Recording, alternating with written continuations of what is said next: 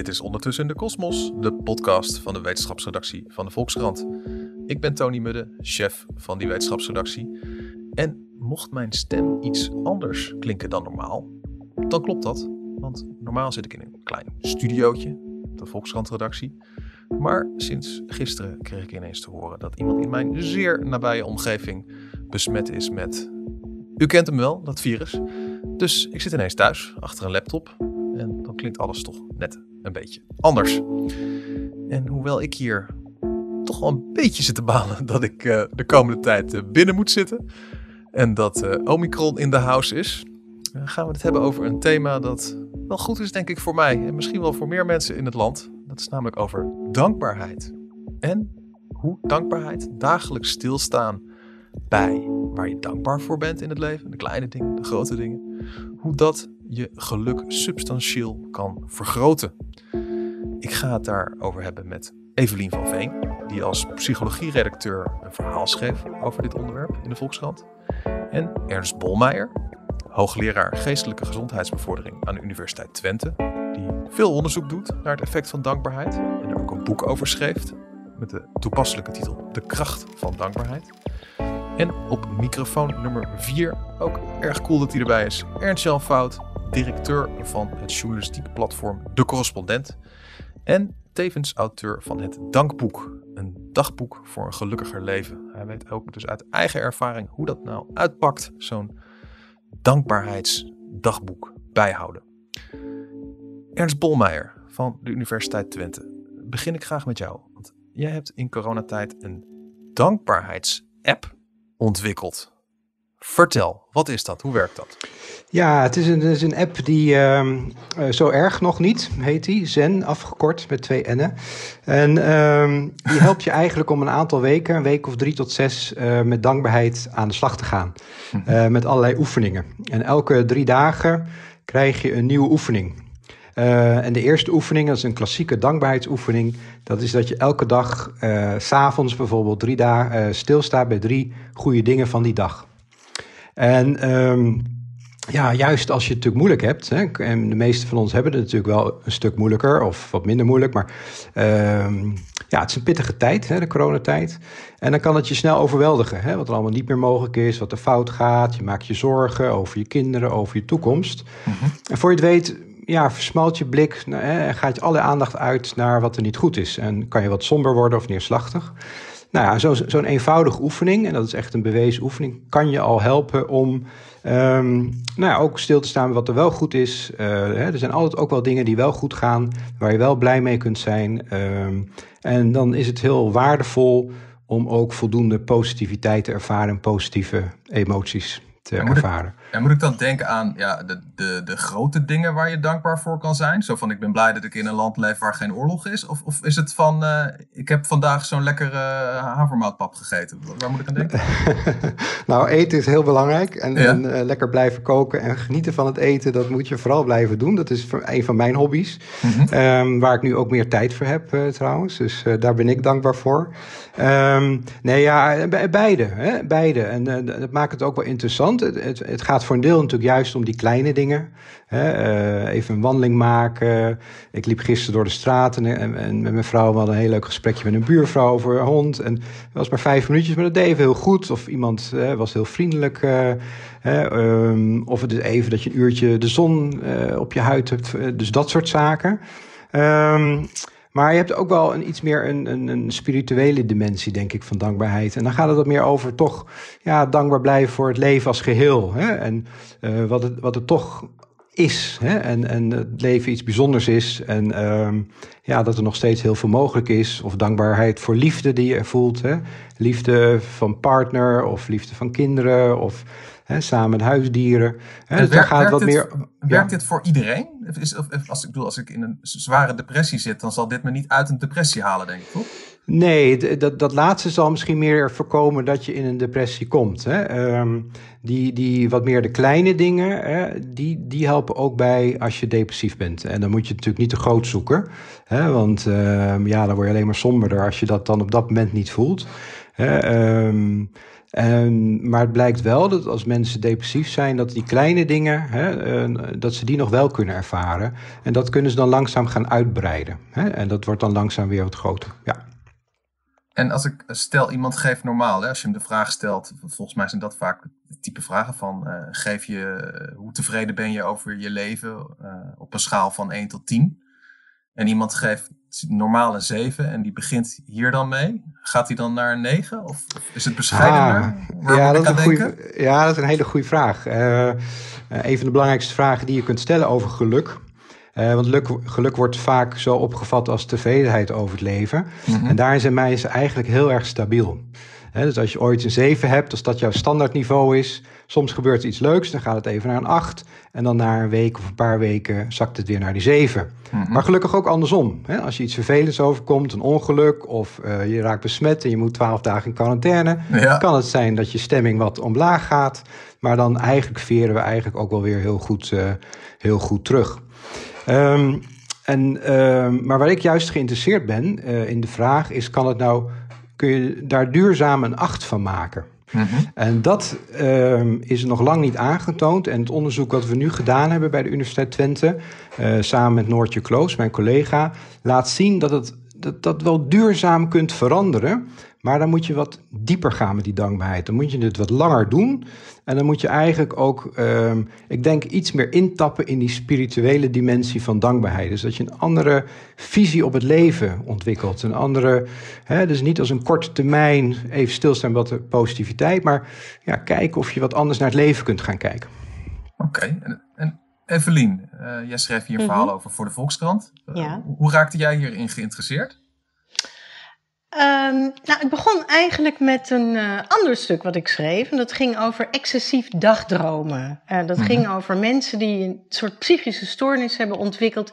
Juist doordat ze um, zo in hun fantasiewereld leven om het leven mooier te maken, dat het uh, zich tegen zich keert. Um, uh, dat ging over een paar jonge mensen die problemen hadden of gepest werden of een moeilijke jeugd. En een fantasiewereld creëerde in hun hoofd om daaraan te ontsnappen. Voor dat stuk heb ik een paar deskundigen gesproken. En de meesten zeiden, normaal gesproken, als dat niet doorslaat, als je daar niet vele uren per dag mee, uh, mee verliest, dan kan aan leuke dingen denken een heel goed copingmechanisme zijn om te, om te gaan met stress en somberheid. Ja. Nou, heb ik ook wel eens last van stress en somberheid. uh, dus, uh, en ik herken dat. Dat uh, je dan, om eventjes je goed te voelen, aan leuke dingen gaat denken. Ja. En um, ik raakte gewoon geïntrigeerd geïntrigeerd door, uh, ja, wat is eigenlijk de wetenschappelijke bewezen waarde daarvan? En dan kom je al snel niet alleen bij aan leuke dingen denken of aan dagdromen, maar bij, aan, bij dankbaarheid, omdat dat op dit moment zo'n uh, hot topic is in de wetenschap. Er wordt heel veel onderzoek naar gedaan. En daarbij was ik ook wel geïntrigeerd door dat spirituele aspect ervan. Want dankbaarheid, het klinkt zo zalvend en het klinkt zo wee. Het klinkt echt een beetje jakkie, moet ik zeggen, dankbaarheid. ja. ja. Um, uh, daar wilde ik ook wel wat meer over weten, want kennelijk werkt het toch heel goed. En, en het is, ik bedoel, dat, dat, die app is nieuw, maar ja, mijn oma zei vroeger al van uh, tel uw zegeningen Precies. Elke, elke dag één voor één, zo'n zo'n bijbelse uitspraak. Dus dit, dit is blijkbaar al heel lang, weten mensen dit intuïtief een beetje van dit is belangrijk. Dat je Precies, dat, dat laatste, dat, dat uh, was voornamelijk voor mij de reden om ermee aan de slag te gaan. Zo'n oude, ja, zo'n oud spreekwoord bij wijze van spreken, uh, wat inmiddels aan alle kanten wetenschappelijk onderzocht en bewezen is. Dat vond ik heel intrigerend. En uh, Ernst Fout van de, van de correspondent. jij schreef het dagboek, een, een dagboek voor een gelukkiger leven. Dat is alweer een jaar of vier, vijf geleden, denk ik, gepubliceerd. Ja, 2017, ja. En ik ben nieuwsgierig, hoe begon jij met dit thema? Waarom? Nou, ik was een uh, chronisch ontevreden mens. Uh, ja, kijk, kijk die, die, die, die gooien er meteen in. Ja, ja, ja. meteen te zaken. Ja. Nee, ik was altijd maar bezig met wat er beter kon. Ik was heel erg op mijn carrière gericht en naar een pad omhoog. En uh, dat, ja, dat ging op zich ook goed. Maar ik dacht wel, ehm, dat, zei, dat zei mevrouw af en toe ook tegen me, het is zo zonde dat je er niet van geniet. En Mhm. ehm, op een gegeven moment eh, begon ik ook een serie op de correspondent over zelfverbetering. Zo noemde ik dat. Ja. En dan ging ik allemaal zelfhulpboeken, eh wetenschappelijk onderbouwde zelfhulpboeken, ging ik dan recenseren. En toen kwam ik een boek tegen van Brene Brown, een eh, onderzoeker uit Amerika. En zij omschreef dat ze heel veel mensen had geïnterviewd over dankbaarheid. Toen kwam ik het voor het eerst tegen, het concept, tenminste in die context dan. En dus ze zei, eh, mensen die een groot trauma hadden meegemaakt, bijvoorbeeld het verlies van een kind of iets anders afschuwelijks, realiseerden zich pas daarna hoe goed ze het hadden daarvoor. En opeens, dat schrikbeeld kwam enorm binnen bij mij. Ik dacht van ja, ik ben nu, ik ben ook zo iemand in de wording die niet doorheeft wat hij allemaal heeft, tot het misschien op een dag eh, niet meer zo is. Ja, ja. Eh, en dat was eh, zo'n realisatie voor me dat ik dacht, Brene Brown schreef ook dat je dankbaarheid, als je niet van nature bent, zoals ik, dat je het wel dankbaarheid kan beoefenen en het echt onderdeel van je leven kan maken. En dat, dat je daar een positieve effecten door ervaart die, die Ernst net omschreef. Dus dacht ik, nou, dan ga ik daarmee aan de bak. Dus toen ben ik een dankbaarheidsdagboek gaan bijhouden. En ehm, enige zendingsdrang is mij niet vreemd. Dus toen dat heel goed voor, heel goed voor mij beviel, toen heb ik er een, ehm, eh, een dankboek gemaakt. Ik heb het eigenlijk niet geschreven, want ik, ik, er zit maar een korte inleiding van mij bij waar ik het werk van wetenschappers als- Ernst in aanhaal. En daarna zijn het allemaal invulpagina's waar je zelf drie, keer eh, drie dingen per dag kan opschrijven waar je dankbaar voor bent. En heel belangrijk, waarom je er dankbaar voor bent. En dan ben ik heel nieuwsgierig, hè? want bij heel veel zelfhulpboeken, dat gaan mensen dan even proberen en dan een maand later zijn ze het soms kwijt. Maar ik ben heel nieuwsgierig van al die zelfhulpboeken die je hebt gelezen. Eh, is dit degene die je dan nu nog steeds volhoudt? Ja, want wat, je, wat jullie net zeiden, klopt helemaal. Van intuïtief weten we dit al lang. Eh, we weten als mensen wel over het algemeen wel wat ons gelukkig maakt. Dat is dat daar, als je naar alle onderzoeken kijkt naar, naar dingen die ons voldoening of geluk brengen, dan, en je, zou dat rijtje opschrijven met, weet ik veel, tijd doorbrengen met dierbaren. Of werk doen om het eh, proces, om de intrinsieke motivatie, niet om de beloning. Dat soort dingen, of dankbaarheid beoefenen, die, die klinken niet als heel spectaculaire nieuwe inzichten. De uitdagingen zit- er meer in hoe maak je ze onderdeel van je leven. En ik Ja. merkte heel erg dat het lezen van zelfhulpboeken een beetje zoals goede voornemens was. Het voelt een tijdje heel goed en je gaat er twee weken voor en daarna raak je het allemaal weer kwijt. Mhm. Dus daarom heb ik eigenlijk zelf geen zelfhulpboek geschreven, maar een eh, boek gemaakt waar je zelf in de slag, aan de slag mee kan gaan. Dat je het echt onderdeel kan maken van je leven. En Ja. eh, ja, ik merk, ik, doe, ik schrijf nu, eh, ik heb er nu volgens mij vijf boeken volgeschreven in, in, in die vier jaar. Dus doe het één keer in de twee dagen of zo gemiddeld. En ik heb er, als ik het een tijdje niet doe, dan is het alsof, alsof je een dag niet doucht. Je bent meteen door. Van ik, moet, ik, wil- ik wil weer, ik wil weer eh, eh, terug naar mijn dankboek en, en, die positieve blik op het leven hebben. Ernst-Jan, welk ehm, eh, dankbaarheidsding staat er steeds weer? Wat, wat, wat keert stevast terug in die vijf jaar? Wat zie je steeds op je, op je lijstje? Ehm, voor, nou, voornamelijk wat, wat andere voor me betekenen. Dus ik, ik heb een christelijke achtergrond en dit dankboek is ook best wel in de, ik denk dat dit appel niet ver van de boom valt. Dus toen dit boek uitkwam, ik, ik ben nu zelf niet meer gelovig, maar toen dit boek uitkwam, kwamen er allemaal de EO, allemaal christelijke media die me hierover gingen interviewen en die vroegen, als je niet dankbaar bent voor God, waar dan wel voor? En ik denk dat mijn antwoord is voor de anderen, dus voor mensen om mij heen. Mhm. Uh, en um, uh, dat, dat dit eigenlijk al elke keer terugkomt, het contact met hen of de dingen die voor elkaar betekent. En uh, het blijkt ook wel best wel wat onderzoeken dat dankbaarheid uiten in een relatie ook uh, een relatie kan, uh, een vriendschap kan versterken bijvoorbeeld. Dat je een soort positieve visuele cirkel, cirkel creëert. Omdat je uitwerkt dat je, iemand, dat je dankbaar bent voor iemand, daardoor realiseer je allebei dat de relatie zo sterk is en je gaat er nog meer in investeren.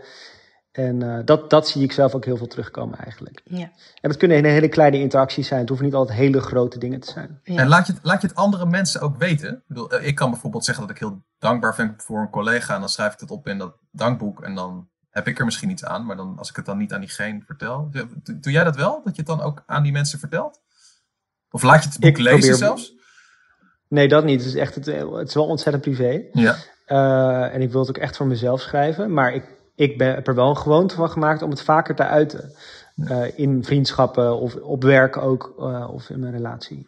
Ik denk ook dat dat, uh, want dat was een van de mooie nieuwe inzichten, hè? dat hoe belangrijk het uiten van dankbaarheid inderdaad in een relatie is zoals en Jan ook zegt. Maar ehm, ik denk wel dat dat nog veel te weinig gebeurt. Dat, dat, dat we daar een soort chaîne voor hebben, of we vinden dat soft. Of mannen vooral vinden, zijn dan bang dat ze dan iets terug moeten doen. Hè? Dus als ze zeggen, ik ben, ik ben je dankbaar, oh, dan, moet, dan, dan ben ik hem of haar iets verplicht later. Vrouwen hebben daar gelukkig wat minder uh, last van. Mhm. Maar ik merk dat het weinig gebeurt. Ik ben er zelf gaan letten. Ik doe het zelf vaker en explicieter. Um, maar je merkt ook als je iets voor iemand doet, en je doet het niet om, om bedankt te worden, maar als mensen dat dan toch structureel niet doen, of uh, het doet iets met de relatie. Hè? Het doet iets met uh, de, ja, je neemt toch wel, het creëert afstand als het weinig gebeurt. En, je bedoelt uh, als je iets um, gedaan hebt voor iemand en je wordt er niet voor bedankt? Ja, en dat is een dat keertje het toch gaat wringen. Ja, dat kan op, de, op termijn wel gaan wringen dat, uh, of mensen dat vergeten, dat, uh, dat dat niet leuk is. Um, het wordt dan zelf, kan, dingen kunnen snel vanzelfsprekend worden. En, je, en zeker ook in relaties. En wat eigenlijk best wel een hard feit is in onderzoek, wat goed is onderzocht, ook experimenteel, um, is dat relaties waarin vaker dankbaarheid wordt geuit, die zijn veel vitaler. De, de kans dat die relaties uit zijn over een paar jaar is, uh, is een stuk kleiner dan wanneer dat niet gebeurt. Het heeft te maken met betrokkenheid op elkaar, elkaar blijven waarderen wat die ander doet. Um, en dat vergeet je heel snel. We, gaan, we zijn heel snel geneigd om dingen vanzelfsprekend te gaan vinden. Mm -hmm. En dat is dodelijk voor ons welzijn en vitaliteit, uh, ook in relaties. Dus dit, uh, ja, dit werkt, dit is belangrijk.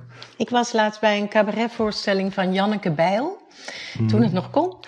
En zij vertelde dat ze bij vrienden ging eten, waarvan uh, na het eten de vrouw tegen de man zei: um, Ik ruim wel af, want uh, jij doet al zoveel. En Janneke Bijl zei: Gadverdamme, bij ons thuis zeggen we gewoon: Jij moet afruimen, want ik heb al gekookt. Die vrienden die wil ik nooit meer zien. het kan ook heel uh, slijmerig overkomen. Ja, zeker. De vorm is belangrijk. Het moet gemeend zijn. Het, uh, het moet niet geforceerd zijn. Hè? En ik denk dat dat ook de associaties met dankbaarheid, hè, zeker uit religie, een soort geforceerd dankbaar moeten zijn. Mm -hmm. En dan werkt het averechts. En het werkt ook averechts als het een soort trucje wordt. Hè, of ik, ik ga maar met dankbaarheid uiten, want dan, uh, dat, dat werkt allemaal niet. Dat voelen mensen. Dus het gaat wel om een soort spontane, oprechte. Maar het is vooral dat je het waardeert en dat iemand dat voelt. Um, en niet uit een soort verplichte wederkerigheid. En is het, uh, het helpt in mijn ervaring ook. Ja? Oh, pardon. Dan ga je om heel specifiek te zijn. Dankjewel. Om heel specifiek te zijn. Zowel in het schrijven in het dankboek. Waar je dankbaar voor bent. Maar ook in de uiting naar anderen. Dat zeg ik als ervaringsdeskundige hoor. Ik heb het niet onderzocht. Maar dat hoe specifieker je bent, hoe gemeen het overkomt. Uh, omdat je mensen dan echt zien waarom je dankbaar bent. En dat je er ook echt over nagedacht hebt. En dat je niet alleen maar voor de vorm zegt, maar het echt meent. Ja, precies. En, en uh, nou weet ik, ik heb vroeger in het verleden ook wel eens wat artikelen geschreven over uh, burn-outs. En dan, dan zeiden psychiaters ook wel eens van, uh, ja, en dan zijn er van die werkgevers die uh, een enorm verrotte arbeidsomstandigheden creëren. En wat doen ze dan? Dan sturen ze hun werknemers, dan zeggen ze, ja, ga maar op een anti-burnout cursus, zodat jij je leven weer beter kan inrichten. En bij dit thema dacht ik ook van, ja, is dat niet ook een gevaar? Hè? Dat je dan zegt zo van, nou, dat bij wijze van spreken een baas zegt, weet je wat, we sturen alle al onze werknemers op een wees dankbaarheidscursus. Dan hoeven we lekker zelf uh, niks, niks te veranderen aan uh, de slechte airco in het kantoor, uh, ja. de belachelijke werktijden, dat je 24 uur per dag gebeld kan worden, noem maar op. Ja. Wat, hoe kijk jij er tegenaan, Ernst? Nou ja, het is een terechte vraag, hè? want het mag nooit een panacee worden. En ik zeg altijd van het is ontzettend belangrijk om ook gewoon hard te knokken en op te komen voor jezelf uh, en, en de omstandigheden te veranderen. Het is nooit, je moet het nooit alleen in het individu zoeken. Alleen, er is niks op tegen. Ik zie het als een en-en-benadering om ondertussen jezelf wat meer te wapenen, assertief te worden. En uh, wat je kunt doen om de kwaliteit van jouw eigen leven te vergroten, ook al zijn de omstandigheden niet altijd optimaal, um, ja, dat moet je vooral niet laten. Hè? Uh, um, maar het is, het is niet of-of. Dus je kunt en wel gewoon assertief zijn en gewoon goed opkomen voor goede omstandigheden. Maar ondertussen jezelf ook blijven herinneren waarom doe ik dit. Hè? Bijvoorbeeld verpleegkundigen in een ziekenhuis, die, die hebben het zwaar. Dat moet je niet gaan ontkennen. Hè, die ja. mogen verdrietig zijn, die mogen uh, uithuilen s'avonds. Die mogen af en toe de boel bij elkaar schelden. Niks mis mee. Vooral blijven doen. Dat maar als je die een dankbaarheidsboek gaat geven, dan worden die toch woest, of niet? Nou, nee. Want op het moment dat je weer tot rust bent gekomen... Mhm. en je helpt jezelf herinneren... waarom doe ik dit ook alweer? Waarom geeft mij dit voldoening? Waarom kan ik... Wat zijn goede dingen die gebeuren in het werk? Hè? En jezelf herinneren aan uh, momenten van de dag. Hé, hey, die, die, die, die vrouw was toch even heel dankbaar voor wat ik deed. Of waarvoor doe ik dit? Dan, dan blijf je bij je hartskwaliteiten. En dan blijf je bij je, bij je eigen motivatie inderdaad. En dan helpt je dat wel om het vol te houden op een goede manier. Ja, precies. En, en uh, ja, waar ook nog bent, wat we in de psychologie de afgelopen jaren, trouwens ook in heel veel andere takken van wetenschap hebben gezien. Dan blijkt er uit een onderzoek dat iets werkt. En dan gaan andere wetenschappers dat vervolgens herhalen. Uh, en dan blijkt er ineens van, oh nee, het werkt toch niet. Ja. Hoe stevig is het bewijs hiervoor? Voor die dankbaarheidsdagboeken en dat je dan substantieel gelukkiger wordt? Nog niet zo stevig. Ik kan zelfs zeggen, de, de, de, de onderzoeken van de laatste twintig jaar waren eigenlijk belabberd. En, um, um, en juist voordat hè, de meeste onderzoeken, dan was het, gingen mensen een week lang maximaal twee uh, schrijven in een dagboek. En dan vooral die, die drie goede dingen uh, van de dag, hè, of tel je zegeningen. Nou, dat is eigenlijk helemaal heel weinig effect voor. En um, er zijn onderzoekers in Duitsland geweest en wij ons eigen onderzoek in Twente van stelden we dat nou eens wat langer doen en ook wat gevarieerder. En dan zie je wel de effecten toenemen. Maar ik ben het helemaal met je eens hoor. Dat is pas begin. Um, het is ook nog niet het allersterkste onderzoek wat je kunt bedenken. Dus er is inderdaad nog wel veel onderzoek nodig. Alleen, um, nou ja, wat, wat je wel ziet, en dat hebben we dus nu gerepliceerd in Nederland ten opzichte van Duitsland. Wat ik een heel leuk feit vond, wat zij vonden, wat wij ook vonden, is dat mensen bijvoorbeeld minder piekeren na zo'n interventie. Hè? Als ze dat vier weken, minimaal vier weken volhouden. Dat is eigenlijk wat we tot nu toe vinden. Mm um, langer is beter, maar minimaal vier weken. Um, dat mensen minder gaan piekeren. Uh, minder zorgen maken, minder in het negatieve blijven hangen. En dat is eigenlijk, hè, piekeren is een hele belangrijke oorzaak van depressiviteit en angst en burn-out. Dus dat vond ik een hele leuke, grappige, verrassende bevinding. Zeker. En, en stel, uh, jij zou van onderzoeksfinancier NWO krijg jij onbeperkt budget, onbeperkt aantal uh, hmm. promovendi. Ja, je, begint al te smullen. wat, wat, wat, zou, wat zou dan jouw droomonderzoek zijn op dit front? Nou, ik, van, nou, als ik, dat zou kunnen doen. Ja, kijk, ik, ik kan een uh, wetenschappelijk gezien, hè, wat de meeste status heeft, zou ik zeggen, laten we dit gaan onderzoeken op biologie er zijn ideeën en ook wel misschien wat hele eerste studies dat, dat het ook op onze hormonen effect heeft. Bijvoorbeeld de toename van dopamine, wat een belangrijke rol speelt bij ons plezier. En, dat, dankbaar, en dat, dat je een toename zou kunnen gaan zien van dopamine en een afname van cortisol, wat een stresshormoon is. Nou, dat is duur onderzoek, hè, dat, laboratoriumonderzoek. Maar ik zou het ook heel klein willen houden. Ik zou ook heel graag mensen hè, die dit bijvoorbeeld eens uh, zes weken doen. Um, kwalitatief gaan volgen. Dat je die dagboeken gaat analyseren. En, en, zie je inderdaad een, een, verandering in kwaliteit van leven en hoe ze naar het leven kijken. dat is een heel. Wat is ook tijdrovend. Hè? Kwalitatief onderzoek is, is uh, maar heel betekenisvol. Uh, en daar zou ik ook ontzettend veel zin in hebben. Klinkt goed. Nou, Ernst-Jan, jij hebt de afgelopen jaren dat kwalitatieve onderzoek met N is één bij jezelf gedaan. Hoe is jouw leven veranderd erdoor? Nou, ik merk wel dat ik echt opmerkzamer ben geworden voor de goede dingen in mijn leven. En ook dingen die ik misschien eerder niet gezien had. Zoals ik ben een, keer in die afgelopen vier jaar geëmigreerd. Uh, naar, uh, kortstondig geëmigreerd. Na een jaar kwam ik weer terug. Naar Amerika. En dat is natuurlijk enorm ingrijpend. En uh, ik schreef wel in mijn dagboek in die periode, gelukkig. en toen ik later teruglas, toen de, de herinneringen aan het emigreren in mijn hoofd waren het visum aanvragen, de verhuizersregelen, één lange checklist.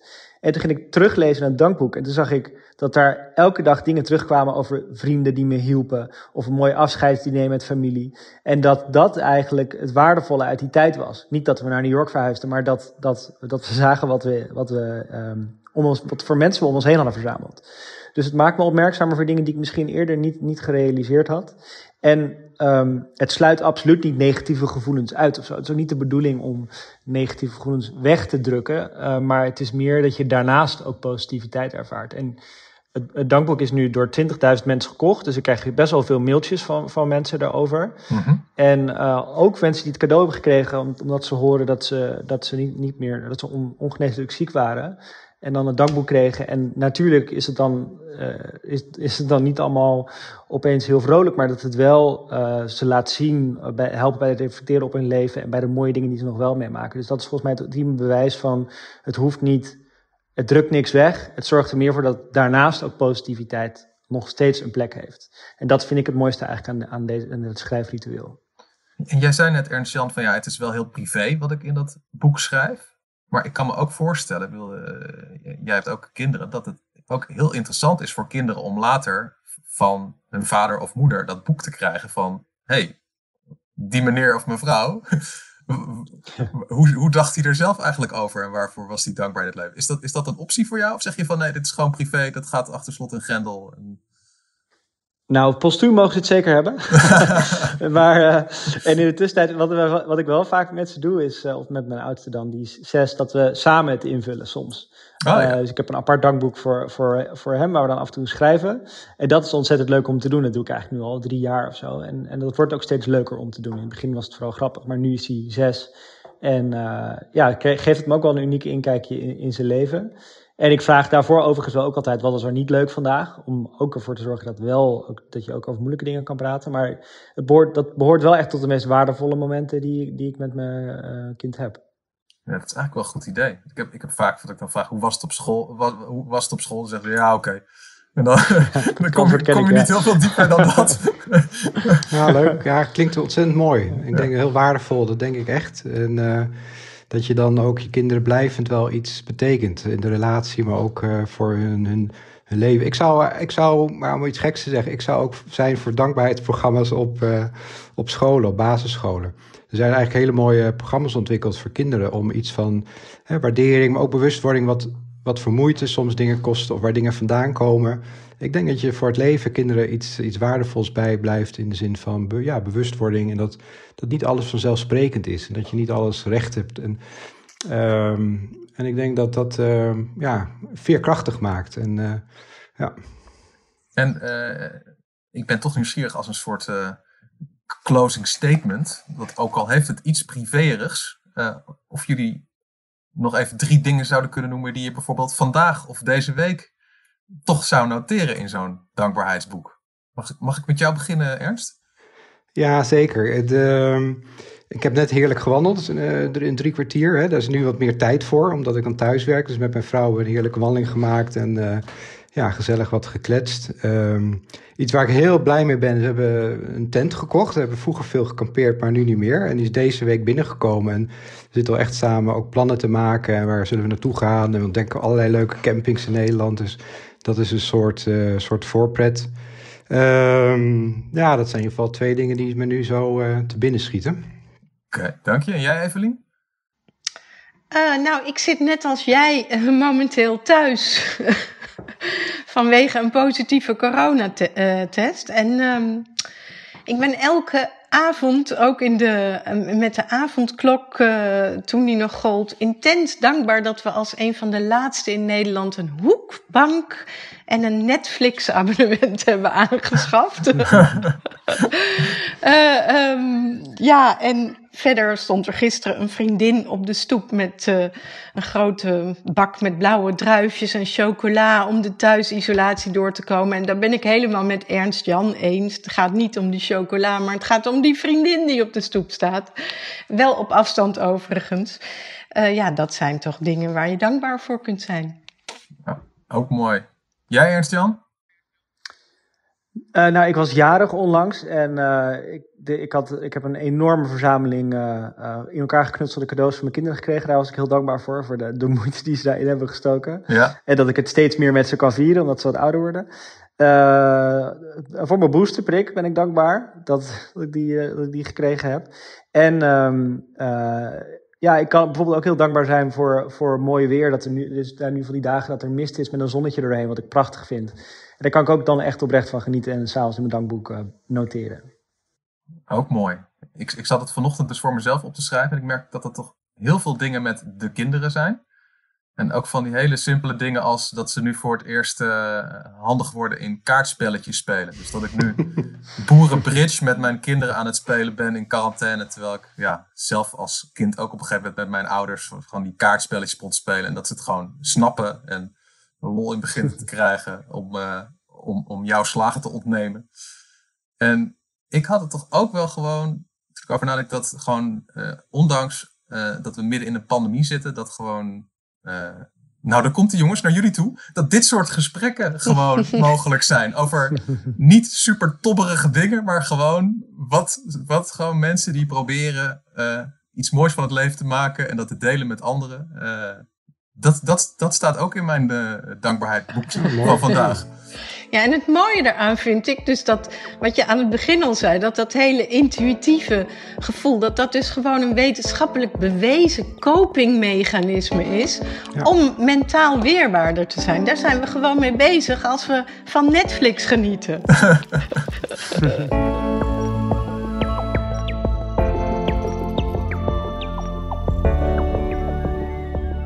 Dit was Ondertussen in de Kosmos, de podcast van de wetenschapsredactie van de Volkskrant. Mijn naam is Tony Mudde. Graag tot een volgende keer. En ik wens jullie allemaal heel veel succes met nadenken over waar je dankbaar voor bent in het leven. En of dat een beetje een boost aan je geluk geeft. Tot de volgende keer.